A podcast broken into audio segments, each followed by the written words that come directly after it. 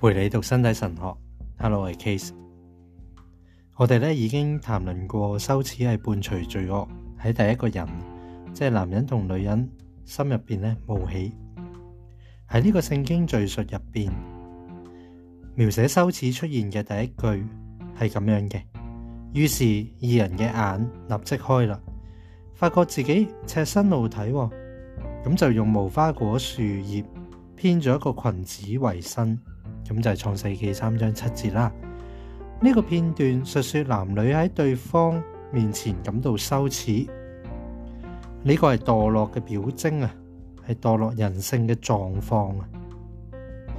应应该按其语境再去探讨一下。喺嗰一刻，羞耻触及咗最深处，好似要动摇佢哋存在、存有嘅基础咁样。喺三张八节讲，当亚当同埋佢嘅妻子听到上帝趁住夜晚喺乐园入边散步嘅声音，就躲藏喺伊甸园嘅树林入边，怕见到上帝嘅面。佢哋食咗之前落树上面嘅果子，其直接嘅后果就系喺对方面前呢觉得羞耻，而佢哋咧就要匿埋啦。可见喺呢种羞耻嘅深处，系产生咗对上帝嘅恐惧，嗰个系前所未有嘅恐惧啊！上帝呼唤亚当咁样讲，佢话：你喺边啊？佢就答啦：我喺伊甸园入边听到你嘅声音，我就惊起嚟啦，因为我赤身露体，跟住就匿埋啦。咁呢个就系九至十节羞耻嘅本质，往往包含若干嘅恐惧。尽管如此，起初嘅羞耻用特有嘅方式展现佢嘅特色。佢话我害怕，因为我赤身露体。当人啱啱意识到自己系赤身露体，人对于身体感到羞耻。但系我哋明白呢个涉及更深层嘅事实嘅。人对自己嘅沙赤裸感到羞耻，为掩饰真正嘅恐惧原因。佢只系指出一个效应，而咧冇讲明个因由，结果道出其中因由嘅唔系人，而系上帝自己啦。喺十一节就话，下威上帝话：边个话俾你听赤身奴体呢？莫非你食咗我禁止你食嘅果子？咁呢个就系十一节。呢段對話呢，其實係精確無比啊！整個敘述呢，都係精確無比。呢句對話唔單止指出人喺經歷呢件事件嘅時候表露表面嘅情感，同時呢，亦都展現咗呢啲情感一個深層嘅意義喺整個敘述入边，赤身露體唔單止具有字面嘅意義，佢唔單止喺度講緊身體，亦都唔係話。恐惧嘅源头只系同身体有关。事实上，赤身露体嘅经验指出，人再唔能够享有上帝呢个礼物本身啦。即系上帝系一份礼物嚟嘅，人咧享有唔到，背弃咗上帝嘅爱啊，亦都系离开咗原初恩典嘅源头，受造物应有嘅圆满美善嘅状态嘅源头。都离开咗啦。根据教会嘅一个神学教导嘅表述咧，人咧丧失咗超性同埋本性以外嘅恩赐，呢个都系喺佢喺犯罪之前咧嘅诶天赋嘅谂赋，即系原本佢就有嘅。此外，属于本性咧嘅同样受损。屬於本性嘅咧，同樣受損。人性本係原初嘅上帝嘅形象，但係咁樣嘅人性咧都受到破壞。三重嘅貪欲啊，即係之前講約翰一書提到嗰三重嘅貪欲，並唔符合呢個上帝完美嘅形象，而係符合伴隨罪惡而嚟嘅損害不足同埋局限。貪欲應該理解為解釋為一種。欠缺，但系呢种欠缺呢，系植根喺人嘅精神起初嘅深处。如果要研究呢个现象嘅根由呢，即系研究救恩历史入边嘅人嘅各种经验嘅门槛，就要细读亚威上帝对于女人同埋男人讲嘅每一句话。此外，我哋就必须探究佢哋两个人嘅意识状态，亦即系。阿威典文本明显可以俾我哋作出咁样嘅探讨嘅嗰啲部分，我哋已经讨论过呢个文本特有嘅文学特色噶啦，喺之前咧第三章提到佢好远古啊，诶讲嘅嘢好简单啊，佢嘅字诶用字唔多，但系好有描述到最深层嘅意义啊，咁就系嗰啲咁特色啊，咁样。喺经文入边提到，我点点点点跟住惊起嚟，因为我赤身露体，跟住咪匿埋咯咁样。呢句话展示咗一个点样嘅意识状态呢？佢哋系对应紧点样嘅内在实况呢？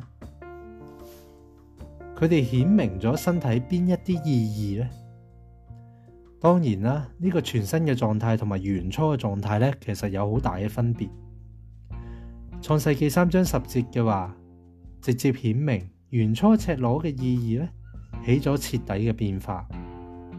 我哋較早之前已经指出喺原初清白無罪嘅狀況入邊，赤裸並唔表示欠缺嘅，而係表示完全接納身體，在於整個人，因而亦都在於維格嘅真實性系完全接納身體嘅真實性嘅，係成個人係維格嘅一個真實嘅表達。即系呢个，如果讲位格有一个呈现嘅话咧，系一个完整嘅身体嘅呈现啊，咁样，身体作为位格嘅表达咧，系人临在于有形世界嘅第一个标记。即系位格 person 呢个字好虚无缥缈噶嘛，个概念嚟噶嘛。喺呢个有形嘅世界入边，点样表达一个位格咧？就系人嘅身体啊。OK，有冇继续读落去啦？可以话始自起初，人喺咁样嘅世界，亦都系凭住身体去辨认自己啊，去辨别自己啊，得以确认自己系一个位格。事实上，身体可以话系自起初已经标示佢超越性嘅有形因素，而身为位格嘅人呢，即此超越有形嘅生物界，即系呢度讲讲到嗰种超越就系人。去为各种动物起名，但系都揾唔到一个同自己相配嘅。佢觉得自己完全唔同啊，同其他动物系唔相称嘅。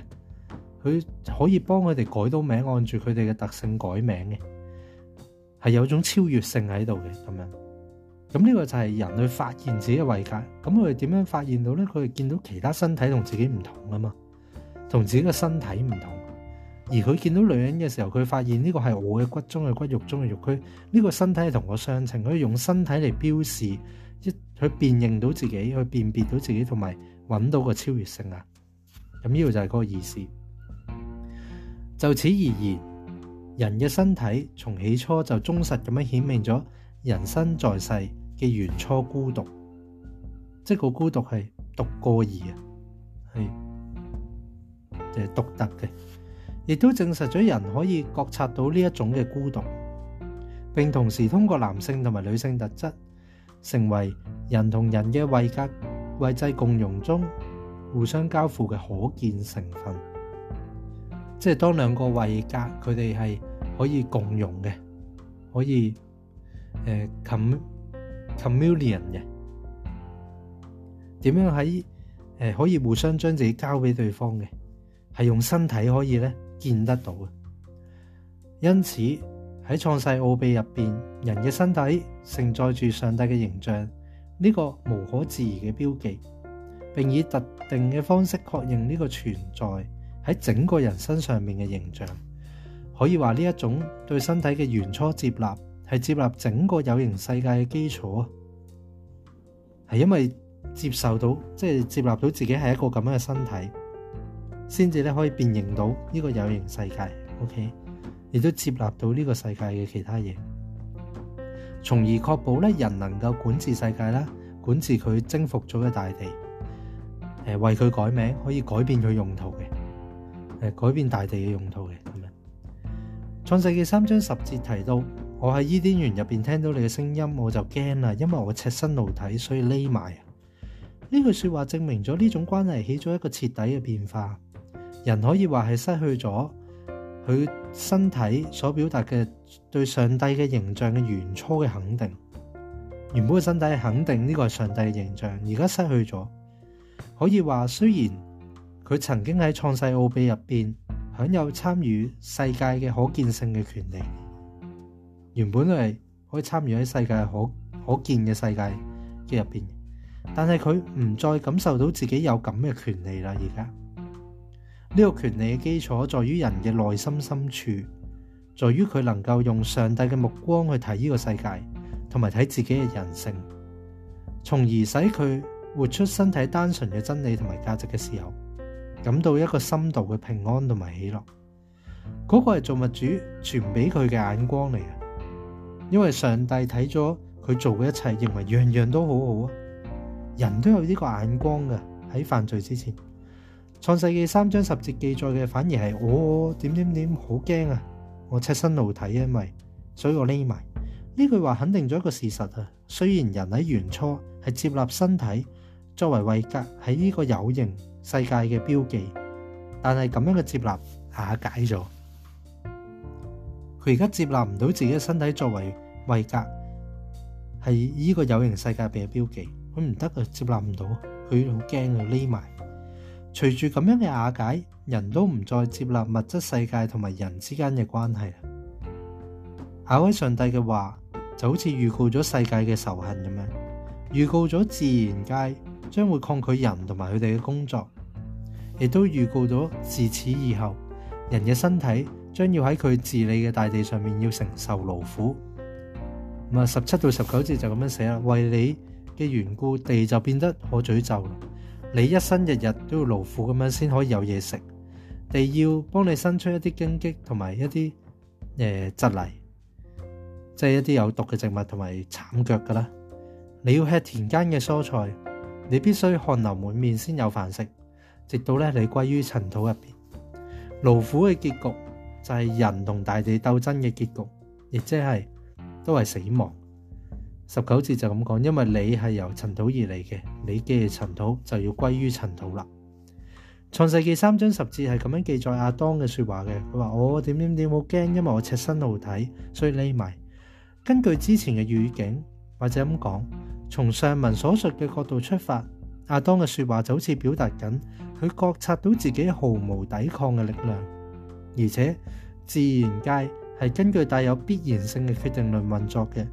当佢喺度面对咁样嘅大自然嘅时候，对自己嘅肉身结构就觉得好不安啊！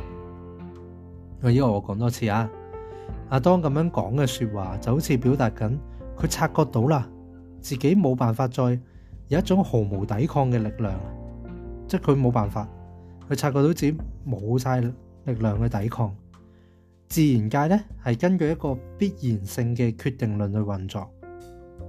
一定系咁样去运作啦。当佢面对一个咁样嘅大自然嘅时候呢佢对于自己肉身结构觉得好不安。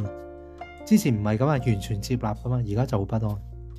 从亚当呢一句不安嘅话，我哋或者可以发现其中意味住一种面对宇宙万物而感到嘅羞耻。